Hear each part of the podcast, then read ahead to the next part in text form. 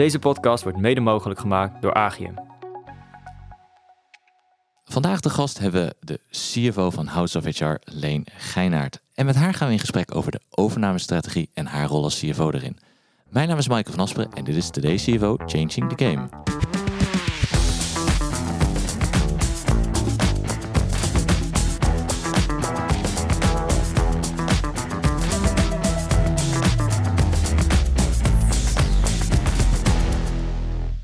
Leen, welkom. Leuk dat je er bent. Ja, likewise. We hebben zin in, uh, in het gesprek. Zeker, zeker. Kijk, en je bent onze, onze uh, mensen kunnen het misschien al een beetje horen. Onze, onze tweede uh, gast uit, uit, uit België. Onze zuidenbuur is leuk om ook dat aspect weer te hebben. Um, en denk ook wel met een, een andere reden waarom, we, waarom ik jou gevraagd heb. Maar daar komen we straks wel op terug, denk ik, in jullie overnamestrategie. Um, ik begin altijd eerst even met de vraag van... Kan je even iets over jezelf vertellen, uh, over je carrière, je achtergrond? Uh, wie, wie is Leen? Wie hebben we tegenover ons zitten? Ja, oké. Uh, zoals heel veel financiële mensen ben ik gestart bij de Big Four. toen nog Coopers Lybrand werd PwC, wat huidig is. Ik heb dat zes jaar gedaan. Prachtig bedrijf. je leert elk jaar bij, je groeit door. Heel toffe collega's. Je hebt ook de kans om andere bedrijven te zien. En eigenlijk waren er niet veel bedrijven waar ik dacht van hier wil ik nu werken. Uh, ik ben manager geworden en toen dacht ik eigenlijk van, goh, ik heb toch net iets te veel energie om dingen alleen maar te constateren en mee te delen. Ik wil echt in een bedrijf ergens mijn schouders onder zetten. En zo ben ik naar uh, Solvis gegaan. Dat was toen een uh, Belgisch beursgenoteerd bedrijf, anderhalf miljard omzet in uitzenden. merken waren Start People, noemde toen nog Crijfs Interim in België. We hadden ook merken in Nederland, Content bijvoorbeeld ja. was, er, was er één van. Daar heb ik uh, eerst als controller gewerkt. Ik heb van alles gedaan. We waren anderhalf miljard, dus op de holding. Ik deed en internal audit en ik deed controlling. Op een moment ben ik ook gaan consolideren, dus iets heel technisch eigenlijk, uh, inhoudelijk. En na twee jaar, denk ik, uh, belde Rob Sandbergen mij, de CFO, die zei van... Leen, kun je de volgende weekend vrijmaken, want we zijn bezig met een overname. En toen heeft uh, USG ons overgenomen. Ook anderhalf miljard, ongeveer in dezelfde geografieën. En de idee was, als we samen gaan, we zijn in een aantal geografieën suboptimaal, eigenlijk te klein. Dus als we samenvoegen, zijn we voldoende groot en kunnen we daaruit verder. Dus toen werden we een bedrijf van 3 miljard doorgegroeid tot 4 miljard. Ik was toen zwanger van uh, mijn eerste kind, zoon, Corneel. Ja. Uh, en ik dacht van, goh, nu zitten we in Nederland, hè, want dat was dan beursgenoteerd Amsterdam. Mm, Rob had gezegd van, ja, finance in finance kun je van overal doen. Maar ik zei, ja, ik ben nu net, ik ga mama worden, dus uh, ik weet niet zeker als ik wel naar Nederland wil. Dus laat me maar even afwachten. Ik heb toen een positie kunnen uh, aannemen in België voor de groep. Uh, ik heb het Shared Service Center daar aangestuurd. Fantastische job. ik denk dat ik daar een beetje heb geleerd dat ik ja, gewoon graag met mensen werk, graag op projecten werk, dingen verbeter, op activity drivers sturen, op KPI's. echt heerlijk. Dat heb ik een aantal jaar gedaan. Ondertussen ook uh, het tweede kindje gekregen, Cosette. En als die twee jaar was, uh, toen stelde de uh, raad van bestuur van USG People mij de vraag van Rob Sandbergen wordt van CFO, CEO. Ja. Zou je kandidaat willen stellen? Ik heb een Hans nacht gedacht van nee, dat doe ik niet. En als ik ochtends opstond, dacht ik van ja, ik moet het doen. Dus dan proces doorlopen, ik ben het uiteindelijk mogen worden. Een fantastische kans, want ik was eigenlijk maar 35 jaar en ik mocht CFO worden van een beursgenoteerd bedrijf. Uh, ik had heel veel te leren op treasury vlak, op investor relations vlak. Uh, maar enfin, het is me gelukt. Ik heb ja. het dan negen jaar gedaan. Dus ik heb ook negen jaar in Nederland gewerkt. Ja. In tegenstelling tot en, andere Belgen en, heb ik mijn accent niet aangepast. Nee, dat, dat is heel goed. en dan een klein vraagje. Wat gaf de doorslag om uh, die job aan te nemen? Om die CFO-positie aan te nemen? Ik, ik vrees ambitie. Uh, en het feit dat mijn man zei, die kans krijg je maar één keer, die trein passeert, spring erop. Ja. Uh, ook het feit dat er wel ruimte werd gegeven. Van, uh, als je drie, vier dagen in Nederland werkt, je kunt donderdag en of vrijdag vanuit België werken. Uh, Rob woonde zelf in Breda, dus die werkte ook in Antwerpen ja. uh, de vrijdag. Dus het feit dat er ruimte was, het feit dat me kansen werden gegeven, maar ook ja, die trein passeert maar één keer. Ja. En dankzij dat is dat een enorme carrière-switch geweest. Als ik nee had gezegd, had het nu misschien nog een heel andere job. Ja, ja oké. Okay. En, en je hebt negen jaar op die positie gezeten? Ja, ja Uh, ook heel veel strategisch nagedacht. Uh, wie is USG People? Uh, we hadden altijd de uitspraak, ze hebben niet te groot voor het, de serviet en te klein voor tafellaken. Hè? Ja. Dus we vielen ergens tussen. Dus we waren altijd op zoek naar de ultieme strategische stap. Die is er dan gekomen, ik denk in 2016 zijn we overgenomen door Recruit Global Staffing. Enfin, door Recruit, de, ja. de holding as such. Dus toen werden we uh, Japans en de zon scheen toen in Tokio. Dus investor Leesje zat daar. Uh, Treasury zat daar. Uh, ik heb daar ook nog mooie kansen gekregen. Dus mijn CFO-rol was een beetje anders. Ik was CFO-rol dan van een divisie van ja. uh, het grote Recruit, die dan Recruit Global Staffing noemde. Um, we hebben toen ook de kans gekregen om niet enkel Europa aan te sturen, wat USG dan was, maar eigenlijk ook Japan zelf, alles wat staffing was, Australië en de US. Best veel reizen en jobinhoudelijk werd het gewoon wat minder. Als je de kans hebt gehad van een full-fledged CFO te zijn en dan doe je geen IR niet meer en geen ja. treasury niet meer, dan ga je toch bepaalde dingen missen. Te meer, omdat ik nog wel zoveel dagen in Nederland zat. Dus ik merkte dat qua work-private, dat het work niet meer voldoende ja, voldoening bracht om privé dan dingen op te offeren. Kinderen werden ook wat groter, in alle eerlijkheid, en, en vroegen eigenlijk meer van, goh, hè, waarom werk je niet in België? Toen heb ik beslist van naar België uh, terug te gaan. Ik werd gebeld door uh, een headhunterkantoor als iemand zocht bij Bpost in België. Ik dacht, ja, Bpost, Belgischer maken ze het niet. Dus ik ja. ga ervoor uh, solliciteren. Ik ben dat dan geworden. Uh, wanneer was het? Mei 2019 ben ik daar gestart. En ik ben weggegaan uh, november 2021. Uh, ik beslist zelf van weg te gaan. Enfin, de mensen die de krant lezen, zeer complexe organisatie. Ik heb er heel veel geleerd. Ik weet niet de dingen, als ik die per se wou leren. Om, om politiek is niet mijn ding, uh, om het zo te zeggen. Ja. Uh, zeer complexe dossiers, uh, zeer complexe stakeholdership uh, met de overheid die er enerzijds in zit, maar anderzijds ook, ja, je bent beursgenoteerd, dus je zit daar toch tussen wal en schip heel vaak te opereren. dus qua cultuur paste het eigenlijk ook niet meer. Dus heb ik beslist van weg te gaan best spannend. Uh, mensen vonden dat moedig, maar ik moet eerlijk zijn, als je dan thuis uh, op je kantoortje zit, ja, dan vraag ik me altijd af, wat is er moedig aan? Want werk is wel heel fulfilling. Dus als je dan hebt gekozen van ja, ik stop, ik ga iets anders zoeken, dan voelt het na week één ook wel een beetje eng van ja, wie ga ik worden? Hè? Ja. Mijn zoon was toen ook bezig met welke studiekeuze. En ik zei, ja, we zitten een beetje in hetzelfde.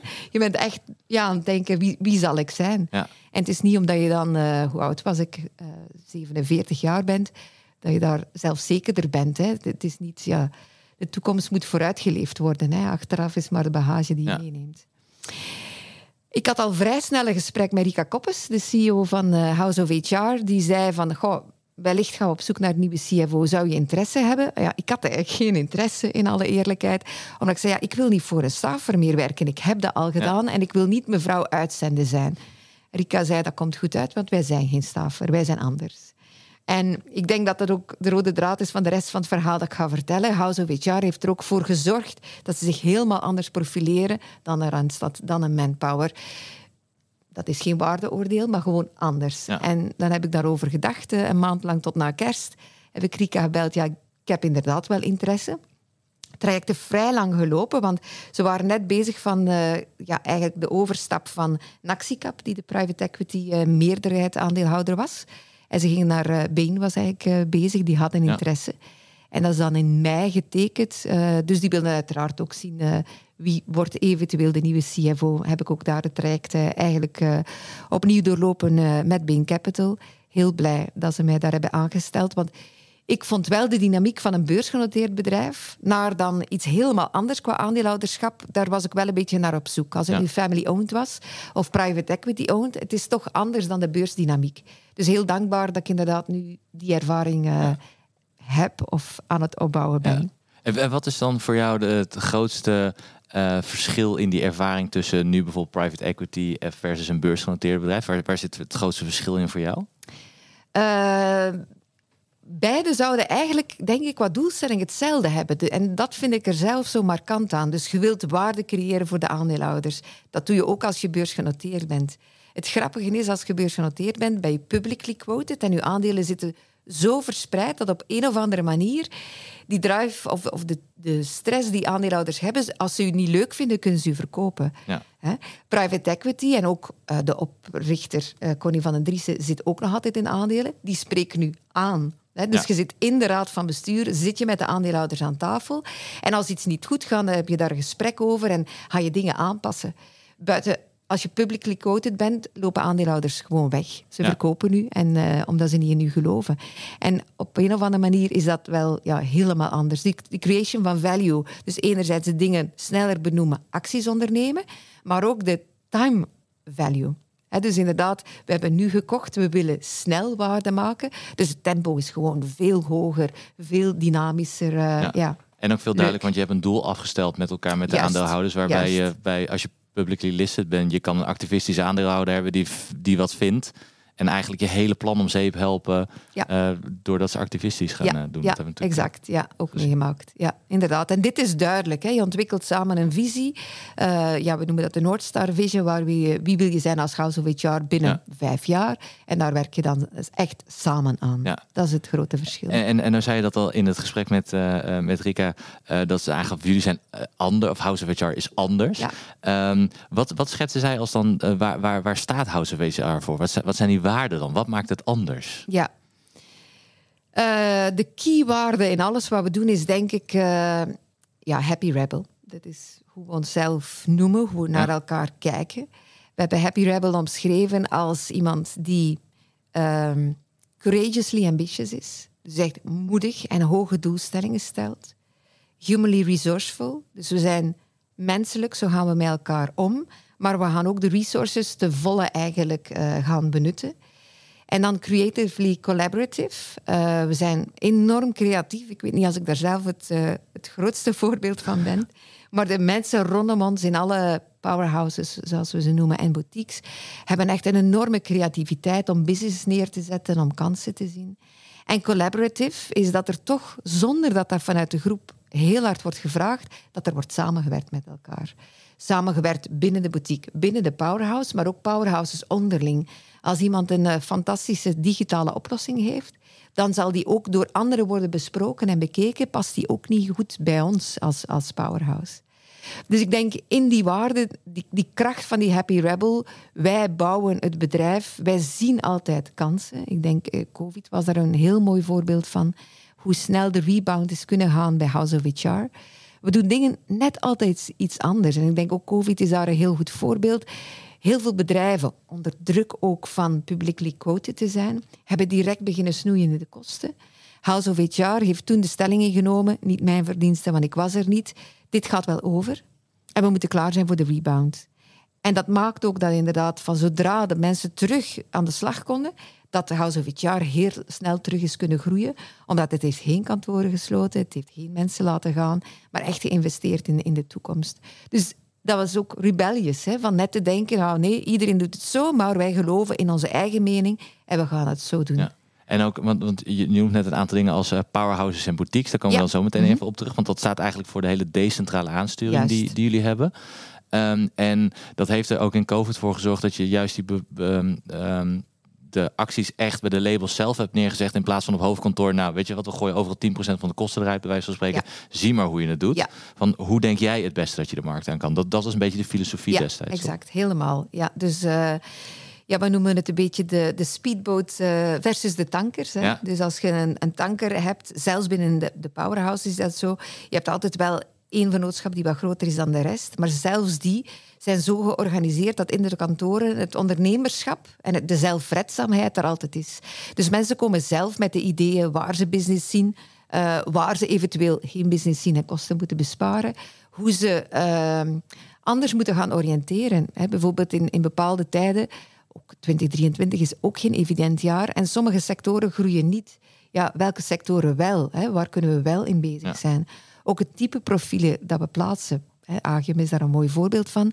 Dat we echt in, in schaarse profielen de bedrijven helpen om te zoeken. Dat is echt een grote toegevoegde waarde. En ook daar ligt eigenlijk de beslissing over welke profielen waar je gaat op inzetten, ligt bij de ondernemingen zelf. Ja, ja. want als je terug eigenlijk het, het, het bedrijf bestaat nog niet zo heel lang. Eigenlijk sinds 1995, daar is toen de basis gelegd in, in Roeselaar in België. Ehm, en had het toen, denk je, ook al die, die, eh, die filosofie van dat, dat Happy Rebels? Of is dat de afgelopen jaar gegroeid? Absoluut. Nee, nee, nee, nee. Ik denk inderdaad, eh Connie en Philippe, die eh, toen het bedrijf hebben opgericht, dat waren absoluut rebels, wilden dingen anders aanpakken, super commerciële talenten. Hebben heel hard ook gekeken naar welke type profielen gaan we waar plaatsen.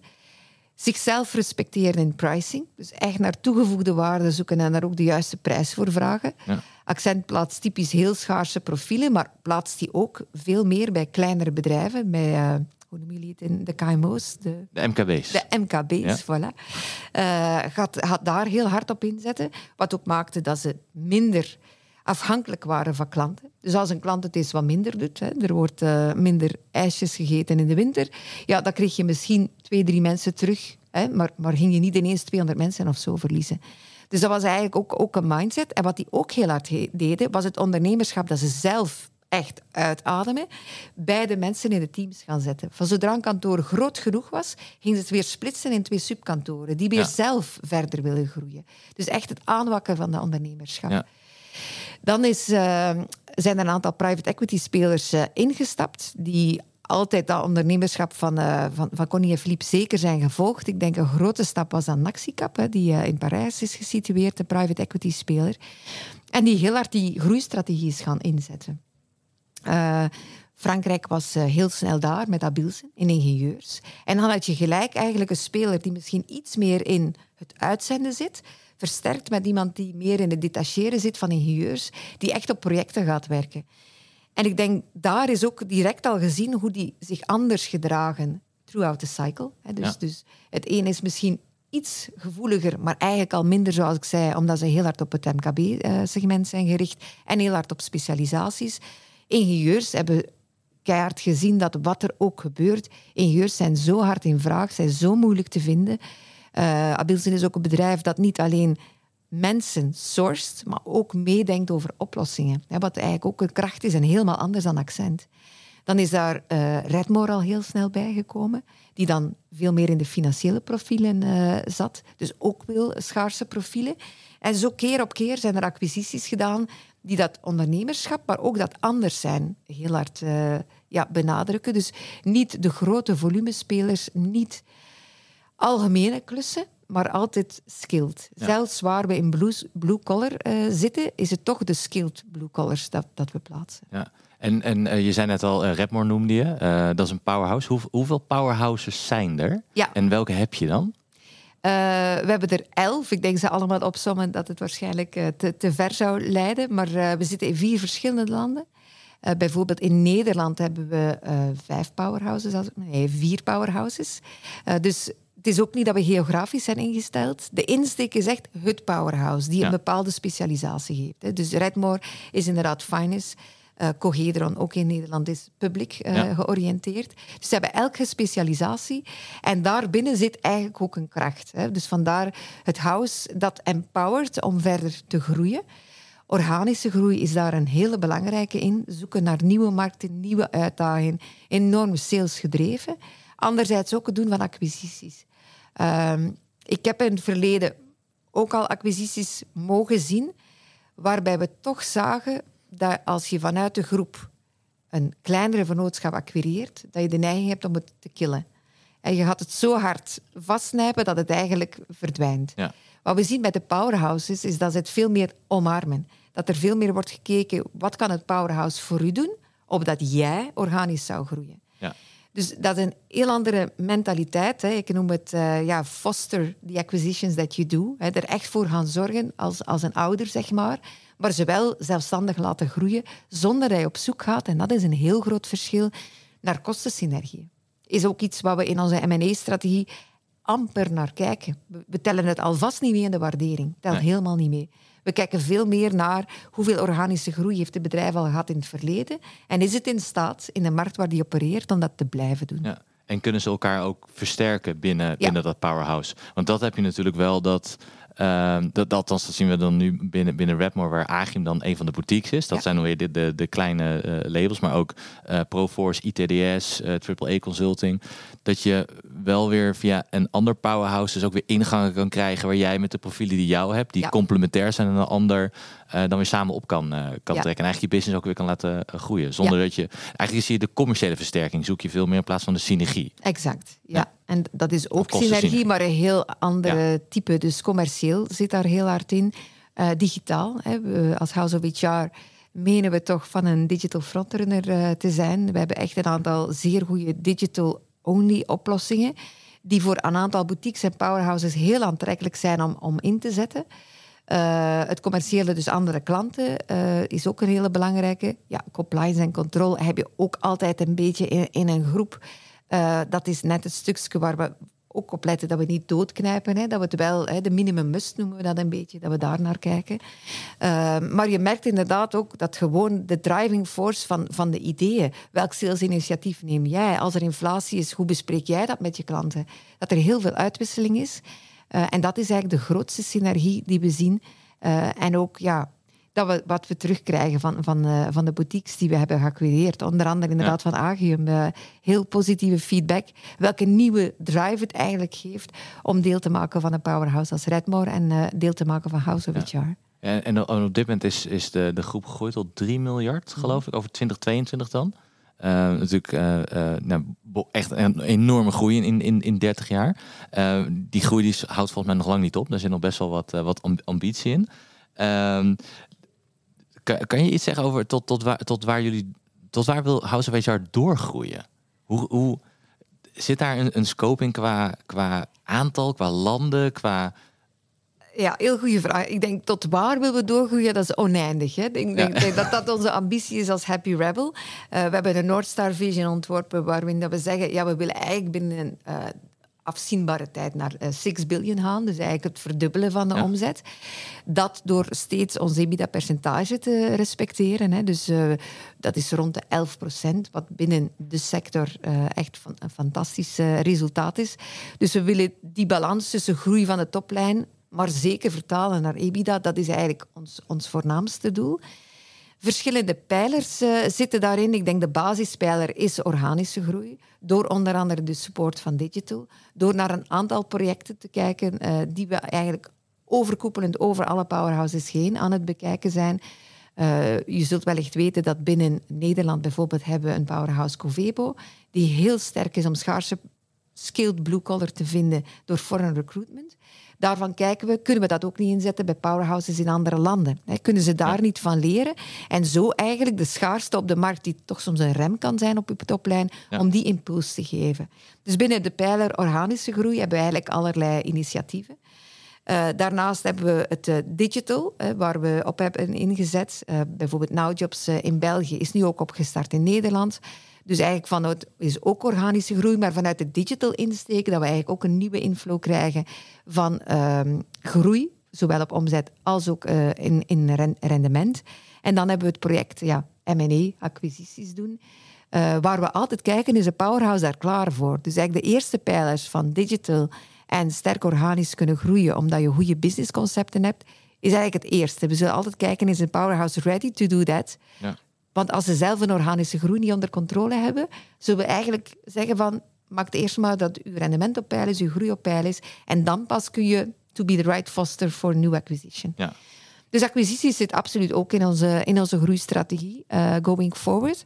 Ik denk dat we tot nu toe echt prachtig traject hebben afgelegd van over de 50 acquisities uh, sinds het begin van, uh, van Accent, zeg maar. Ja. En dat bijna allemaal die ook heel succesvol waren, omdat die powerhouses daar goed hebben voor gezorgd, die tot wasdom hebben gebracht, laten groeien, dat die zich niet gesqueezed voelden. Hè. Dus we hebben heel weinig waarde verloren door iets uh, te dicht tegen ons aan te houden en er van alles kleuren en regels en rebranding op te gooien. Wat heel belangrijk is ook, bijvoorbeeld Agium is een merk dat heel gekend is in de markt. Dus dat uh, over schilderen en het Redmore noemen, dat zou gewoon killing zijn. Hè? Ja. Je zou zoveel waarde vernietigen, omdat Agium net voor de finance professional gekend is. Uh, als je het Redmore noemt, ja, ik hoop dat het ook gekend is, maar het zal niet zo specifiek gekend zijn op de niche als waar Agium in zit. Nee. En, want, want, je, want je zei net voor, voor de acquisitie, je noemde dan een aantal punten, maar groei en rentabiliteit kijken jullie heel veel naar. De niche-markt kijken jullie inderdaad naar. Ja. Het management en de culturele fit. Ja. Eh, en het management, daar moet dat ondernemerschap heel erg in eh, zitten, eh, las ik terug. Dus je kijkt, er zijn het ondernemers die ook weer mee willen in die het... mee willen. Dat, dat wou ik eigenlijk toevoegen. Dat is zo belangrijk. Hè? Dus om de waarde te behouden en de ziel van het bedrijf en de kracht, is het van belang dat de heel vaak oprichters, ondernemers, dat die aan boord bereid zijn om aan boord te blijven. Eh boord blijven om het management te doen, om het laten groeien. Maar eigenlijk vragen we ook dat ze bereid zijn om te herinvesteren in het bedrijf. Dus werkelijk waar ook terug skin in the game hebben om mee de volgende stappen Ja. te maken.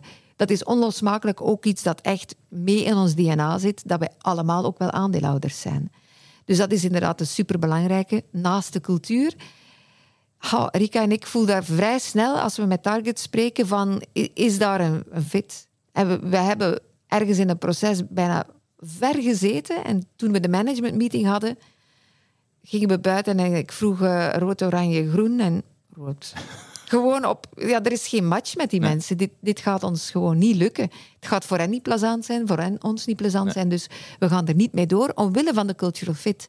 En alle andere boxes, organische groei. Enfin, laten we starten met inderdaad heel gespecialiseerd in een niche. Organische groei, bovengemiddelde rendabiliteit. Eh, dan inderdaad eh, is die bereid om aan te blijven. Hè? Dus is de succession Ja. verzekerd. En daarnaast ja, was het gewoon cultural fit dat we toch hebben op, eh, op afgehaakt en Ja. niet gedaan. Ja, dus je kijkt er ook naar bedrijven die ook echt gezond zijn. Dus je wil niet bedrijven waarbij je een restructuring moet doen. Maar ik hoor je dus ook zeggen dat zowel jij als de CEO eh, in dat proces ook echt betrokken zijn. En dus ook met die oprichters gaan praten. Ook om die, is dat dan echt om die culturele fit Ja. ook echt te bewaren? Ja, ja, ja. En ik ben zelf bij House of HR, wat is het nu, een, een jaar en eh, vier maanden. Eh, dus ik ben daar nog lerende. Rika, die weet spot on. Hè? Ja. Dus die weet heel goed, dit is het bedrijf dat ik heb opgebouwd met de buy and build. Dit is het DNA dat we hebben. Dit fit. Dus eh Rika rol is daar ook onlosmakelijk in. Zowel strategisch, hè, van inderdaad, want we blijven heel hard kijken to be different, maar ook heel hard te bouwen aan een profiel dat eh, resilient is throughout the sector. Dus als we kijken naar sectoren zoals eh, food bijvoorbeeld, healthcare, public sector, dat zijn toch allemaal sectoren waarvan we weten, ook als het wat minder gaat in de economie, gaat daar de- het werk wel door. Hè. Daar Ja. blijft men profielen zoeken. Of zoals ik daarnet zei met ingenieurs, ook daar hebben wij een aantal heel schaarse profielen, een aantal klanten waarvan we weten, ook als het minder goed gaat, gaat dat gewoon door. 2018 denk ik dat nog ongeveer eh 20% van onze business daarin zat. Nu zijn we eigenlijk al, ja, pak 42% zitten we in die resilient sectoren. Dus dat is een heel belangrijke waar ja, het voor mij ook makkelijker is om de neus voor te hebben. Ja, dat is goed, dat is niet goed. Maar dat gevoel van die happy rebel, Ja. ja, dat is natuurlijk beter door iemand die eh, het bedrijf heeft meegebouwd en al meer dan zeven jaar in de organisatie zit dan ik, hè, die op dat Ja. vlak nog een groentje ben. Ja. Dus Rika rol is daar onlosmakelijk in eh, om net die gesprekken met management te hebben. Te voelen ook als ze zeggen ik wil herinvesteren van hoe echt is dat. Hè? Ja. Eh, en inderdaad te voelen van passen die bij ons en gaan die mee het bedrijf uitbouwen. Ja. En, en, en hoe anders was dit ten opzichte van jouw tijd van USG? Want zoals ik USG dan ken, was eigenlijk redelijk een, een, een mono-brand eigenlijk. Voor, voor mijn Oh. gevoel. Dat misschien niet helemaal, Nee, niet maar helemaal. ehm, ik weet bijvoorbeeld wel, je had eh, Control Finance eh, destijds ooit nog in Nederland. eh, een hele goede sterke partij, maar die is eigenlijk opgegaan in, in, in professionals. Maar hoe anders is die periode toen versus die Ja. periode nu en die visie van toen? Ja. Ehm, goh, de visie was niet anders, denk ik. Eh, goh, waar zal ik starten? Ik zal even op de visie. Ik, ik denk dat eh, USG People, net als veel andere bedrijven eigenlijk, hè, dus ook, ook eh, Randstad en Adecco, om, om ze te noemen, ik denk dat iedereen wel heel had, door had, hè, tien jaar geleden, van we moeten toch wel meer op die professionals ook gaan inzetten. Nu is het wel zo, als je meer in general staffing zit, is het best moeilijk om bedrijven zover te krijgen dat ze bij u willen komen. Want ze zijn gespecialiseerd. Eigenlijk hebben die schrik om blauw of rood of eh, weet ik wel kleur eh, overschilderd te krijgen en op te gaan in een grote uitzender. Dus om targets te vinden was het al eigenlijk veel moeilijker. Dus, dus dat merken wij nu wel bij House of HR. Eh we're a house they want to belong to. voor ons is het eigenlijk, we merken als we aan tafel zitten, dat we direct het voordeel hebben van ja, een grote strategische speler. Ja, ook toch nog het voordeel van eigenlijk private equity ondernemerschap. Dus we zijn op dat vlak een beetje een hybrid. Ja. Dus dat is gewoon door wie we zijn en wie de USG People was, is dat al helemaal anders. Dus dat is een hele belangrijke. Dus de visie was hetzelfde. Maar ik denk dat het voor ons makkelijker is, omdat die strategie al veel vroeger is ingezet. En je hebt geen overheersing van, dat is gewoon een, een stafer. Ja. Ja. Eh, dat is er eentje. Het tweede zei je zelf al, hè, Ctrl F, inderdaad. Ik heb prachtig eh, karikatuur van, van, van de overname. Ben het nog op onze logeerkamer tegengekomen. Ehm, ja, dat is een beetje wat ik zei. Ik denk dat heel veel grote corporates onbewust acquisities doodknuffelen. Dus je ziet zoveel synergieën, je houdt er zo van, dat je toch gaat doodknuffelen. Dan op een bepaald moment eh, al doodknuffelen merk je van, mm, moeten we toch niet gaan integreren, wat gaat toch een beetje minder qua de toplijn. En dan wordt het ergens inderdaad in in- ja, geïntegreerd, krijgt het een rebranding en, en verdwijnt er dus best veel, veel waarde. En de intentie is goed, denk ik, hè, de, de kostensynergieën. Maar ja, wat ik zie bij House of HR is het gewoon veel meer succesvol. Dat, het, eh, dat denk ik ook gelet op jullie track record Ja. eh, de, de afgelopen jaren. Ja, Maar je, je hebt wel, je, je, je, als, als ik jou zo, zo, zo hoor dan, hè, is ehm, je merkt wel echt het verschil waar je bij eh, ehm, USG toch iets meer vanuit dat uitzend-DNA denkt. Denken jullie veel meer vanuit een, ja, laat ik zeggen, specialistisch niche eh, en de kracht van specifieke eh, eh, labels en stimuleert ze vooral om dat te doen. Waarbij je misschien bij USG te snel toch wel overging op waar zitten inderdaad allerlei synergievoordelen. ehm, waardoor je juist dat ondernemerschap er een beetje uithaalt. ja. Wil wel gezegd hebben, eh, ik heb super graag voor USG People Nee, oh nee, nee, het is ook een mooi, het was een mooi bedrijf. Ja, Eh, exact. het- exact. Het, is ik denk nog- dat er fantastische dingen zijn eh, gebeurd, maar dat had gewoon een heel ander DNA. Ja. En eh, laat mij dan ook breder trekken, eh, los van USG, alle corporates die, ik- die ik heb gezien, eh, ook vanuit eh, bestuursmandaten en zo, hebben toch altijd de neiging om net vanuit die kostensynergie Ja. te gaan kijken. Heel vaak ook in waarderingsmodellen is, is dat al heel goed zichtbaar. Dat er eigenlijk, je hebt een businessplan van een bedrijf. En vervolgens bij een acquisitie wordt er dan intern gekeken door de, eh, door de overnemer. Ja. Van, goh, welk businessplan gaan wij ervan maken? En welke synergieën gaan we eruit halen? En dan ga je een discounted cashflow doen en zeggen dat is eigenlijk eh, de value die we willen voor betalen en dat wordt dan ergens een prijs. Dat is bij ons ook een heel andere filosofie. Wij kijken naar de EBITDA die is gegenereerd, last 12 months of een beetje afhankelijk op welke periode van het jaar. En daar wordt een mar- market multiple op betaald. Ja. Dus wij gaan ook helemaal anders redeneren bij de acquisitie. En dat is typisch aan House of HR. Er zijn vast ook andere compounders die het zo doen. Eh, maar bij heel veel corporates eh, die ik heb mogen zien, is wat ik daarnet vertelde heel gebruikelijk. Dat Ja. je net ook omwille van kostensynergieën... Het is een heel groot verschil, denk ik, eh, als ik het zo mag eh, vertellen. En waarschijnlijk kunnen beide werken. Hè? Want ook USG People en ook de andere corporates hebben al fantastische acquisities gedaan. Het is gewoon, zie je iets omdat je denkt, we kunnen iets verbeteren. Hè? Dus will we transform uh, the company that we buy? Ja. Or will we accelerate? En House of HR, alle acquisities die we doen, is omdat we geloven dat we het kunnen versnellen. Dat we werkelijk een juweeltje kopen dat sneller kan groeien, kan beteren en ons ook iets kan brengen. Ja. Maar dat zit niet in kostensynergieën. Buiten Transform, dan heb je de guts om te zeggen, we denken dat wij het zelfs nog beter kunnen. Ik denk beide acquisitiestrategieën kunnen. Ja. Hè? Dus laten we ons ophouden. House of HR kiest voluit voor de eerste. En House of HR is daar tot dusver heel succesvol in Ja, geweest. waarbij andere eh, Randstad en USG ook heel succesvol zijn Ja, geweest in, in, in wat ze Ja. in wat ze inderdaad een, een, een filosofieverschil. Eh, en dat, zal, dat kan ook net de reden zijn waarom je wel of niet wil aansluiten uiteindelijk bij een ander label. Want het is natuurlijk ook wel de, eh, zeker in Nederland, en daar hebben we dan de, de beste kijk op, heeft de HR, is eigenlijk, laat maar zeggen, de, ik noem het dan, laat ik het even ehm, de staffingmarkt noemen. Maar de, de HR-markt is natuurlijk redelijk versnipperd in Nederland. Er zijn zoveel partijen die op detachering zitten, die op interimbaas zitten, die op uitzendbaas zitten. Eh, dat het ook logisch is dat er op een gegeven moment een soort consolidatieslag komt. Mhm. Eh, want ja, als, als klein bedrijf kan je eh, inderdaad wel een versnelling gebruiken af en toe door aan te sluiten bij een grotere speler. Ja, En of dat dan opgaan in is of aansluiten aan is, zijn natuurlijk twee verschillende uh, dingen. Maar dat is volgens mij in Nederland sowieso een hele logische ontwikkeling. Ik weet niet hoe dat in België en Frankrijk is, waar jullie actief zijn. Uh, of, of je daar ook zo'n enorme consolidatieslag ziet. Maar ja, dus uh, als je het hebt over een gefragmenteerde markt, dan heb je dat zeker ook in Duitsland. Hè, zeer gefragmenteerd al altijd eigenlijk. Dus daar uh, is het ook, denk ik, iets makkelijker om targets te vinden en, en ondernemers te vinden die zich willen aansluiten.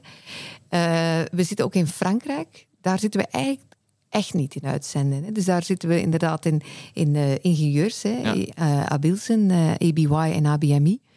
Uh, daar denk ik dat we ook going forward zeer voorzichtig zullen zijn om meer op die staffingmarkt te opereren. Omdat in Frankrijk zie je toch dat die general staffers zo sterk zijn, uh, dat qua pricingstrategie en zo, dat die van ons zoals accent die toepast, dat zou ja. daar niet helemaal passen. Dus uh, in Frankrijk ook, als we verder willen groeien, is het enerzijds organisch en zullen we ook wel op zoek gaan naar wat wij dan meer um, engineering consulting noemen. Hè. Dus ja. het zal niet in de specialized staffing solutions gebeuren. Uh, wie hebben we dan uh, nog? België. Ja, totaal geen fragmenteerde markt. Hè. Dus daar, het is onze thuismarkt. Uh, zouden we het heel fijn vinden om nog een paar mooie acquisities te doen. Maar moeilijker. moeilijker om heel gespecialiseerde te vinden. Ja. Ja, het is, die markt is al veel meer geconsolideerd dan, dan ervoor. Ik denk in Nederland ook veel meer ondernemerschap hè, van, van mensen die ergens hebben gewerkt, gedacht ik kan het beter een nieuw bedrijf opstarten. Ja. Heel veel jonge bedrijven ook, die wel zeer succesvol zijn. Ja, ja. ja. En uh, als je, we hadden het net al ook even over, over de samenwerking tussen jou en de CEO uh, erin. Je gaan ook echt gezamenlijk naar die, die gesprekken toe. Um, hoe is die samenwerking tussen jullie, tussen jullie, uh, tussen jullie beiden eigenlijk? Want waar vullen jullie elkaar aan? Uh, we hadden vorige week een international meeting en uh, in, in, mijn inleiding zei ik, Rika was net uh, voor haar doen wat pessimistischer geweest. En ik opende inderdaad met te zeggen van ja, hoe ga ik dit nu aanpakken? Want normaal gezien is zij de optimistische. en ik ben meer down to earth, waar iedereen heel hard moest om lachen. Ik denk, ik ben absoluut geen pessimist, maar wel realist. Dus ik denk daar in de balans, ook als we operational reviews hebben. Uh, en zo heb ik het altijd gekend. Hè. Je, je probeert inderdaad als CEO, CFO daar een beetje als een tandem te zitten. En ik heb altijd de neiging gehad, stel dat de CEO super streng is, dan zal ik altijd een beetje net, ja, ja Iets minder streng. Iets minder streng zijn, om, om het zo te zeggen. Het omgekeerde is, is ook waar. Dus ik denk dat ook een beetje persoonlijkheid is van de mensen met wie dat ik gewerkt heb. Dat je altijd als, als duo je een beetje aanpast eh, aan, aan, de, aan de situatie. Um, hoe werken wij samen? Ja, op uh, M&A werken we heel sterk samen. Op uh, Operation Review werken we heel hard samen. Maar we proberen ook niet alles samen te doen. Hè. Dus ik heb ook binnen Finance mijn programma met, met ja. dingen die ik binnen de Noordstar Vision eigenlijk wil, uh, wil faciliteren. Want laat wel wezen, dit is een bedrijf dat is gegroeid van 300 miljoen, vorig jaar 3 miljard. Hè. We willen naar de 6 biljoen, ja. zoals ik daarnet zei. Ja, dat gaat natuurlijk niet zomaar. Hè. Dus je moet ook als finance heel veel dingen faciliteren.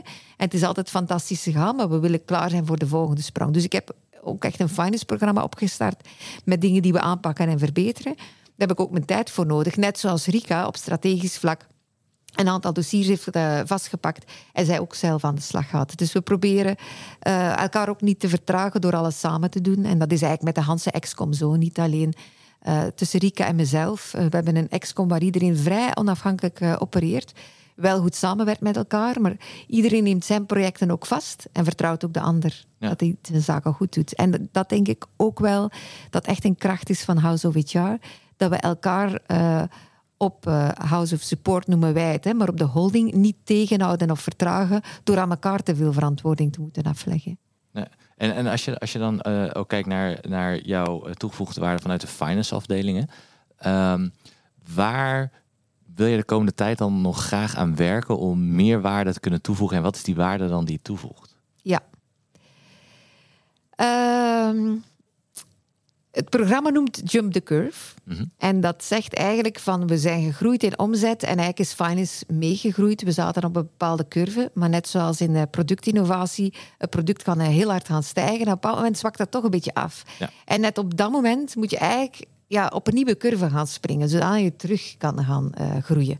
Dus als je altijd een snoepje hebt geproduceerd en iedereen vond het fantastisch, de, de Oreo-koekjes, moet je dan opnieuw een nieuw smaakje toevoegen. Dus dat is een beetje, je was goed bezig, dus je hebt geen oordeel over het verleden. Ik denk dat uh, House of HR op financieel vlak altijd fantastisch is geleid. Het is gewoon tijd om een nieuwe curve te pakken. Wat zit daarin? Een digital program, uh, waarin we momenteel hebben een, een, een consolidatie- en rapporteringspakket. Ja, it was fit for purpose van een bedrijf hè, tot 3 biljoen, maar momenteel is het gewoon stroef, heel frustrerend, foutgevoelig. Dus we moeten over naar een, naar nieuw pakket, hebben we ook gekozen. Ze hebben nu volop de use cases met iedereen aan het uitwerken. Uh, dat is eigenlijk om beter onze actuals te zien, maar we willen ook naar uh, ja, beter forecasting systeem. Ja, als CFO heb ik overal eigenlijk altijd de ambitie gehad van vanuit budget naar forecasting, naar rolling forecasting te gaan. En verder te kijken dan december. Want uh, als financiële mensen zijn we een beetje raar. Hè? Als we een budget maken is het tot en met december. En als we forecast maken is het ook tot en met december, alsof de wereld dan stopt. We maken wel businessplannen, maar eigenlijk willen we daar een dynamiek in brengen. En die digital tools moeten daarin helpen. Op treasury vlak forecasting, ja, je zult begrijpen, we zijn heel acquisitief. Uh, we hebben ook heel veel schuld staan, hoge leverage. Dus cash is absoluut belangrijk. Dus binnen Treasury hebben we ook een handelsprogramma lopen over hoe kunnen we beter bottom-up uh, forecasting doen. Ook meer vanuit AI, hè, dus op basis van seasonality patronen. Uh, dat de mensen in de powerhouses daar minder tijd moeten uh, aan besteden. Dus we gaan ook een treasury management systeem implementeren.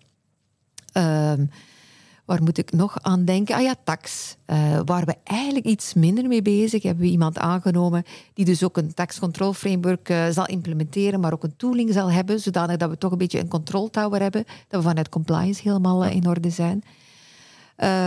waar moet ik nog aan denken? Ja, ook voor onze shareholders. Hè. Dus uh, Bain Capital is hoofdaandeelhouder. Naxicap zit er nog altijd in. En ook Connie van den Driesje als oprichter. Maar daarnaast uh, zit er eigenlijk meer dan een kwart van de aandelen met management. Ja. En die willen we ook correct informeren met een goede digital portal van hoeveel aandelen dat ze hebben. Uh, ook informeren over hoe de resultaten gaan. Dus daar zijn we ook iets digitaal voor aan het opzetten. Om dat zo efficiënt mogelijk te doen. Ik denk, mijn hoofddoel is de groei faciliteren, maar ook simpeler, uh, er is ja, een, een, een, onderneming die zo groeit, die wordt complex. Dus ja. dat moet even vastpakken en terug ook een aantal legal entities en zo terug even kleiner maken. Dus simplification, denk ik, uh, is er zeker van. Dus groei faciliteren, simplification en reduction of workload. Want nu vragen wij heel veel uit budgetprocessen, heel veel op Excel gebaseerd, ja. uh, heel weinig met achterliggende activity drivers. Elke powerhouse doet het op zijn manier en dat willen we uiteraard zo houden, maar wel gefaciliteerd door één pakket, ja. dat we allemaal naar dezelfde set cijfers zitten te ja, kijken. Ik, ik was, en daar zit natuurlijk wel iets waar je uh, elkaar kan opzoeken door eigenlijk op één tool te doen, zodat het in één keer gewoon boven komt zonder dat er definitieverschil. Ja. In ieder geval dat het, dat het makkelijker gaat, uh, um, ja. zonder dat het opgelegd wordt van, ja, misschien moet je ook wel een bepaald format invullen, maar dat ze wel de vrijheid hebben om een eigen budget in te, juist, in te vullen. Juist. En, en sterker nog, want ik dacht dat je die kant op ging. Uh, ja, we zijn decentraal. Dus elke boutique, elke powerhouse heeft dus ook zijn eigen boekhoudpakket. Ja. En we gaan dat niet veranderen. Heeft zijn eigen front office pakket. Dat gaan we ook niet veranderen. Hè. Dus we mogen dat zelf kiezen. Wat we wel hebben uh, bij House of HR is um, minimum advice en recommended. Dus als ze van boekhoudpakket willen veranderen, of van front office of alle applicaties, komen ze wel te raden bij onze CIO en voor finance pakketten bij mij. Ja. En dan hebben we wel ja, for preferred. Hè, dat we zeggen van die pakketten worden al veel gebruikt, zijn we ook tevreden van. Dus als je verandert, neemt een van die. Maar we leggen nooit iets op. Uh, dat maakt wel inderdaad dat er heel veel manueel werk is voor KPI's die we willen. Dus allemaal manueel inputten in Excel uploaden en zo verder. Dus ook in het Jump the Curve gaan we naar een data lake uh, gaan. Ja. Uh, zodat iedereen uit welk systeem ook, dat het in een data lake komt en dan makkelijk bij ons in, in het pakket dat we hebben gekozen. Ja, ja want de, je zei, ik dacht dat je die kant dat was eigenlijk de volgende. Okay. dat, ik wel, dat ik wel dacht, van, ja, eigenlijk zou je toch wel best kunnen zeggen, gebruik gewoon één financieel systeem ja, dat alles in één keer boven komt. Maar jullie hebben er zo over nagedacht dat je dus een data lake gebruikt om dat te doen. Dat iedereen zijn eigen dingen... Gaan gebruiken. Gaan gebruiken. Ja, ga, gaan gebruiken inderdaad. Sorry. Gaan gebruiken. Zodat je alsnog wel alle ja. informatie bij, bij elkaar krijgt. En, ja. en wat guidelines in ieder geval meegeven. Dat het wel makkelijker uh, voor jullie uiteindelijk uh, wordt. Ja, maar niet ja en voor ons en ook, uh, we moeten wel zien dat we de markt correct informeren. Ja. Ja, dat, we de is- juiste dat definities hebben. De, als we voor, enfin, dat is nu totaal geen probleem, maar bruto marge en zo, dat je allemaal hetzelfde bedoelt met bruto marge, hè, wat, eh, wat absoluut geen probleem is. Maar over bepaalde KPI's, hoe definieer je ziekte bijvoorbeeld? Eh, hoe definieer je people at work, hè, wat voor ons toch een cruciale is? Daar kunnen kleine nuances op zitten. En met dit project, hè, dat noemen we dan eh, taxonomie die we daarop doen, zet je ook wel weer wat dingen scherp, Ja. zodanig dat je ja, alle aandeelhouders eh, en ook alle lenders correct kunt informeren. Ja, ja. ja, wat dat betreft is al een, eh, een mooie reis eh, zo. Ja, En dan, en dan vind ik het wel... trouwens, in die mooie reis. Jullie hebben in 2022... Ja, vorig jaar, vorig jaar was dat. ook een M&A Awards in België gewonnen. ja klopt. De, wat, de, de, ik moet even spieken hoor. De Best Large Cap Private Equity. Ja. Dat is dan de, iets waar je denk ik wel trots op zijn dat, dat, dat je dat gewonnen hebt. Ik denk dat Rika en het team daar zeker trots mag op zijn. Ik was er zelf minder bij betrokken, want dat ging eigenlijk over de acquisitie door Bain. Ja. Dus eigenlijk was dat een van de, ja, de grootste private equity deal die in België had plaatsgevonden. eh, waar uiteraard ook heel veel Belgische advocaten en dus meer hadden aangewerkt. Dus eh, ja, hadden we niet gewonnen, was het zelfs raar geweest. Kijk, dat is, eh, maar ik, ik, het is wel eh, grappig dat, dat Been uiteindelijk wel is ingestapt. Want in, in 2019 wilde Naxicap... Ze had eigenlijk zoiets van, nou, het is tijd voor een volgende stap. En dan zie je altijd, dan is ook weer, laat me zeggen, die jump the curve altijd weer goed om een, een nieuwe aandeelhouder natuurlijk ook weer te, te hebben. Eh, toen heeft Been even nee gezegd. Eh, althans, die hield het maar even. eh, daar kwam uiteindelijk kwam het, kwam het niet tot, tot een deal. En in 2022 belden ze, of 2021 was dat dan, denk ik, belden ze eh, Rico op en zeiden van, goh, wat moeten we eigenlijk doen om eh, eh, toch aandeelhouder te worden? Klopt, maar het, is, het eerste verhaal is wel iets anders gegaan. Het was wel degelijk House of HR. Dus de aandeelhouders van House of HR die hebben gezegd van nee, we, we doen het toch niet. Ja, dus ja. op de, op de biedingen waren eigenlijk te laag. Dus het is niet de, de, de geïnteresseerde partijen die zelf toen hebben gezegd we stappen weg. Eigenlijk is House of HR toen weggestapt. Ja. Omdat men vond dat er niet voldoende waarde werd geboden voor de waarde die House of HR heeft. En de rest van het verhaal is inderdaad zo. Bain is toen teruggekomen. Eh, omdat zij zagen dat eh ja, arbeidsschaarste there to stay is. Dus, dus eh, in al hun portfolio companies zagen ze hoe moeilijk het was om talent te werven. Dus geloofden ze heel hard in het businessmodel van, van een ja, bedrijf zoals House of HR en ook van, van al onze peers, de toegevoegde waarde die we hebben om inderdaad schaars talent op een goede manier te vinden voor onze klanten. En inderdaad, toen was de vraag, wat moeten we doen eh, om eh, terug aan tafel te komen zitten? Helpt het ook, want, want in het begin vertelde je ook dat eh, ehm, eh, toen COVID uitbrak, dat je eigenlijk best wel succesvol ook doorheen zijn gaan, eigenlijk klaar voor, voor de toekomst eigenlijk waren toen nou, COVID een, een, op een gegeven moment een beetje voorbij kwam. De- denk je dat die decentrale aanpak en de manier waarop jullie door die crisis zijn gegaan, ook bij Been misschien wel wat gedaan van hey, er zit toch veel meer waarde inderdaad in dan we in eerste instantie dachten? In de kracht van het bedrijf? Dat denk ik wel. Ik denk ook, eh, we noemen het ondertussen allemaal de secret sauce, dat ze er ook een beetje schrik van hebben. Hè, want ja, er zijn weinig corporates die georganiseerd zijn zoals wij Ja. georganiseerd zijn. Dus ze hebben ook wel een beetje schrik van, ja, hoe sustainable is dat? Hoe verankerd is dat echt? Ja. Kunnen we dat, ja, hoe ver kunnen we uitbouwen? Het antwoord daar is denk ik eh, ten eerste ja, hoe we de acquisities doen. Hè, en alle waarden die we daar bekijken. En vooral dat de oprichters eh, of aandeelhouders aan boord blijven. Dat de cultural fit heel erg goed is. Dus dat is denk ik een hele belangrijke om dat te kunnen blijven doen. De fostering door de powerhouses. En ook in alle eerlijkheid, we hebben nu elf powerhouses.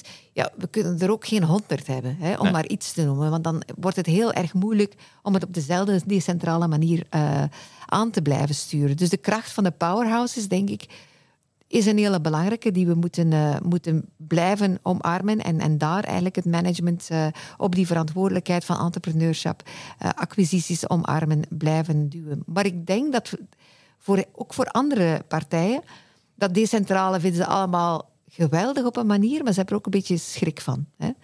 Eh, ik heb vooral schrik dat er op enig moment een druk zou zijn om toch te doen zoals bij andere corporates eh, gebeurt. toch die synergie gaan zoeken, meer eh, de eenheidsworst even Ja. doordrukken. Of tussenlagen, wat Ja. we nu eigenlijk niet hebben. Hè. Wij hebben op, op excom niveau bij House of Support hebben wij geen COO's.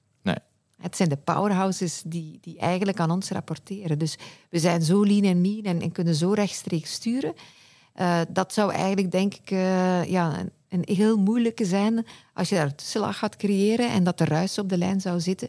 We zijn nu zo snel. Ik denk dat de snelheid uh, een van onze krachten is. Ja, en, en eigenlijk ben je dus een beetje een soort je ziet jezelf ook als een bewaker van die, van die cultuur en ervoor te zorgen dat dat niet ontstaat. Ja. En dan in die, in die reis naar die verdubbeling toe, want eigenlijk hebben we het daarover in de komende jaren een verdubbeling. Um, dan bestaat er misschien wel een kans dat zo iets natuurlijk kan gaan ontstaan. Um, en hoe wil je dat dan voorkomen?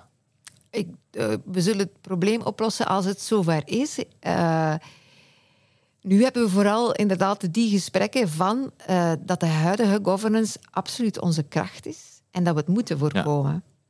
Ja. Uh, wat, wat de oplossingen daarvan zijn, ja, we zijn ja, er met een aantal dan, bezig, maar eigenlijk too, too, early to tell. Maar we zien, we zien wel mogelijkheden om ja, vooral vanuit die kracht van de powerhouses uh, te blijven opereren. Ja, ik, zeg, ik zeg ook heel bewust hè, van 11 naar 100, hè, dat lukt niet. Ja, iets ertussen kan nog altijd wel. Hè. Dus ik denk dat er zeker nog groeipotentieel ja. is. Uh, we zullen ook naar de size van de powerhouses bijvoorbeeld kunnen gaan kijken. Ja. Van, hè, van, van, hoe groot kan een powerhouse worden. En ik denk dat daar nog heel veel potentieel is bij de elf die we hebben. Ja, ja.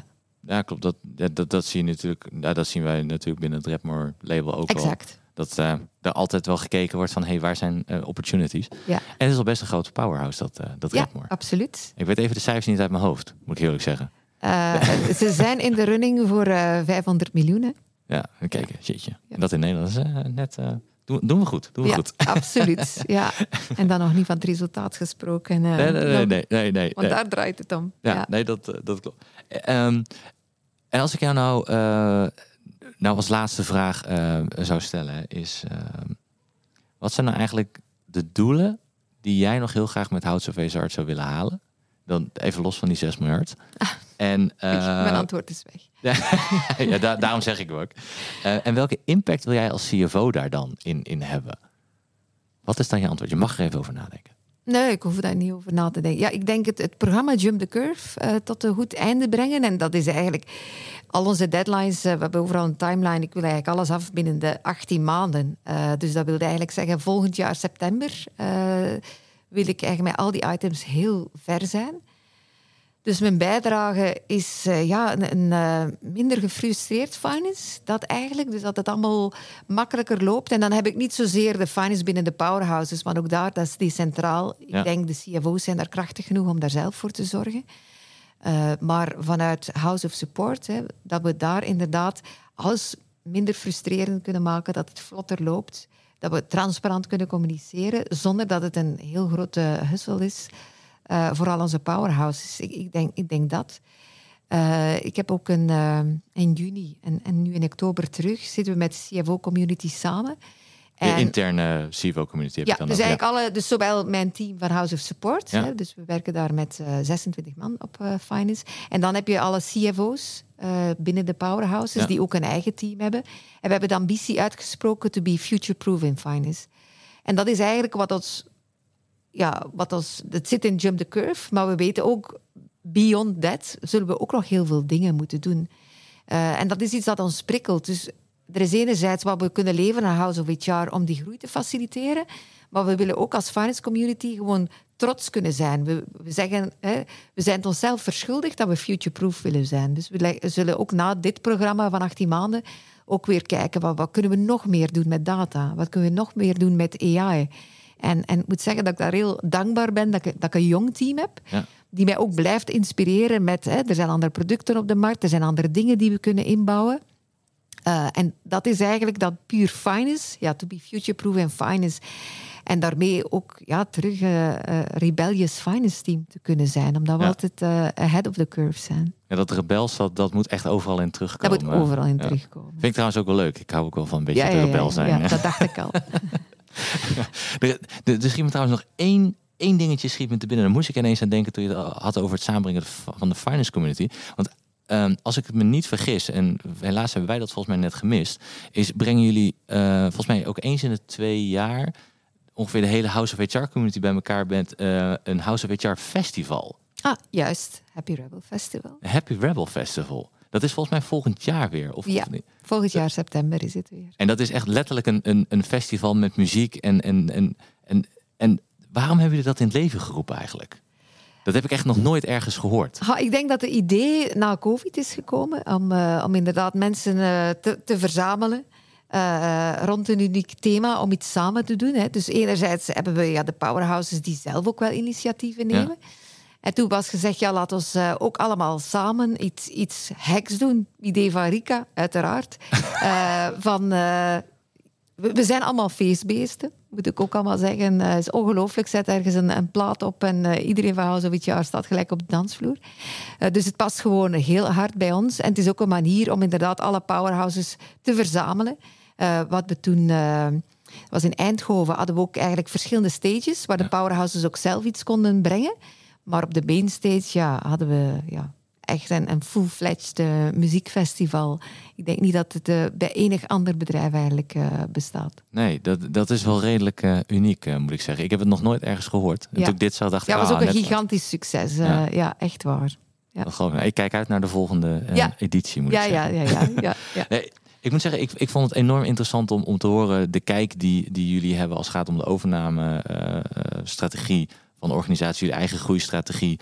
eh, en, en de ruimte ook die je geeft aan, aan de verschillende labels. En dat dat toch wel in contrast is met, met, eh, met, met andere eh, bedrijven. Ehm, ondanks dat geen van de twee goed of slecht is, maar het is gewoon anders. Maar ik denk wel dat, je, dat jullie wel iets unieks daarmee neerzetten. Ook met het, het Happy Rebel uitstralen. Het, het, het past denk ik ook wel bij, bij deze tijd. Dat we af en toe een beetje tegen dingen aan moeten schoppen. Dan moet je toch een beetje rebels zijn. Eh, en ik denk dat je dan ook echt verandering krijgt. Dus ik, ik vind het ontzettend mooi om te, om, om te horen. En het, ja, het, het geeft mij ook wel weer energie als ik jouw verhaal zo hoor, eh, hoor vertellen. En dan ga ik een geintje maken. En dat als CFO, dat je dan inspireert, dat is natuurlijk altijd goed. Ja, dat hoor ik graag. Ja. Nee, dus ik, ik vond het ontzettend leuk. Ik weet niet of je nog laatste woorden eh, hebt die je zou willen richten aan, eh, aan de luisteraars. Of een tip of, eh, of, of een inzicht. Nee, ik denk eh, dat ik zelf heel trots ben dat ik bij House of HR werk. Ja, ik zei in het begin van, eh, ik wou eigenlijk niet naar een stafer. Ik kan nu inderdaad bevestigen, ik zit niet bij een stafer, ik zit bij Happy Rebel. Ja, ja kijk, nou, dat is een, dat is een hele, hele mooi slotwoord. Heel mooi slotwoord. Nee, nogmaals hartelijk dank. En eh, we gaan vast en zeker nog wel meer van, van je horen en zien. Ja, daar gaan we voor zorgen. Daar gaan we Ja. zeker voor zorgen. Dank je voor de uitnodiging. Graag gedaan. Fijn om te doen. Vond je dit nou een leuk gesprek en wil je meer verhalen horen van CFO's? Volg ons dan op ons Agium kanaal.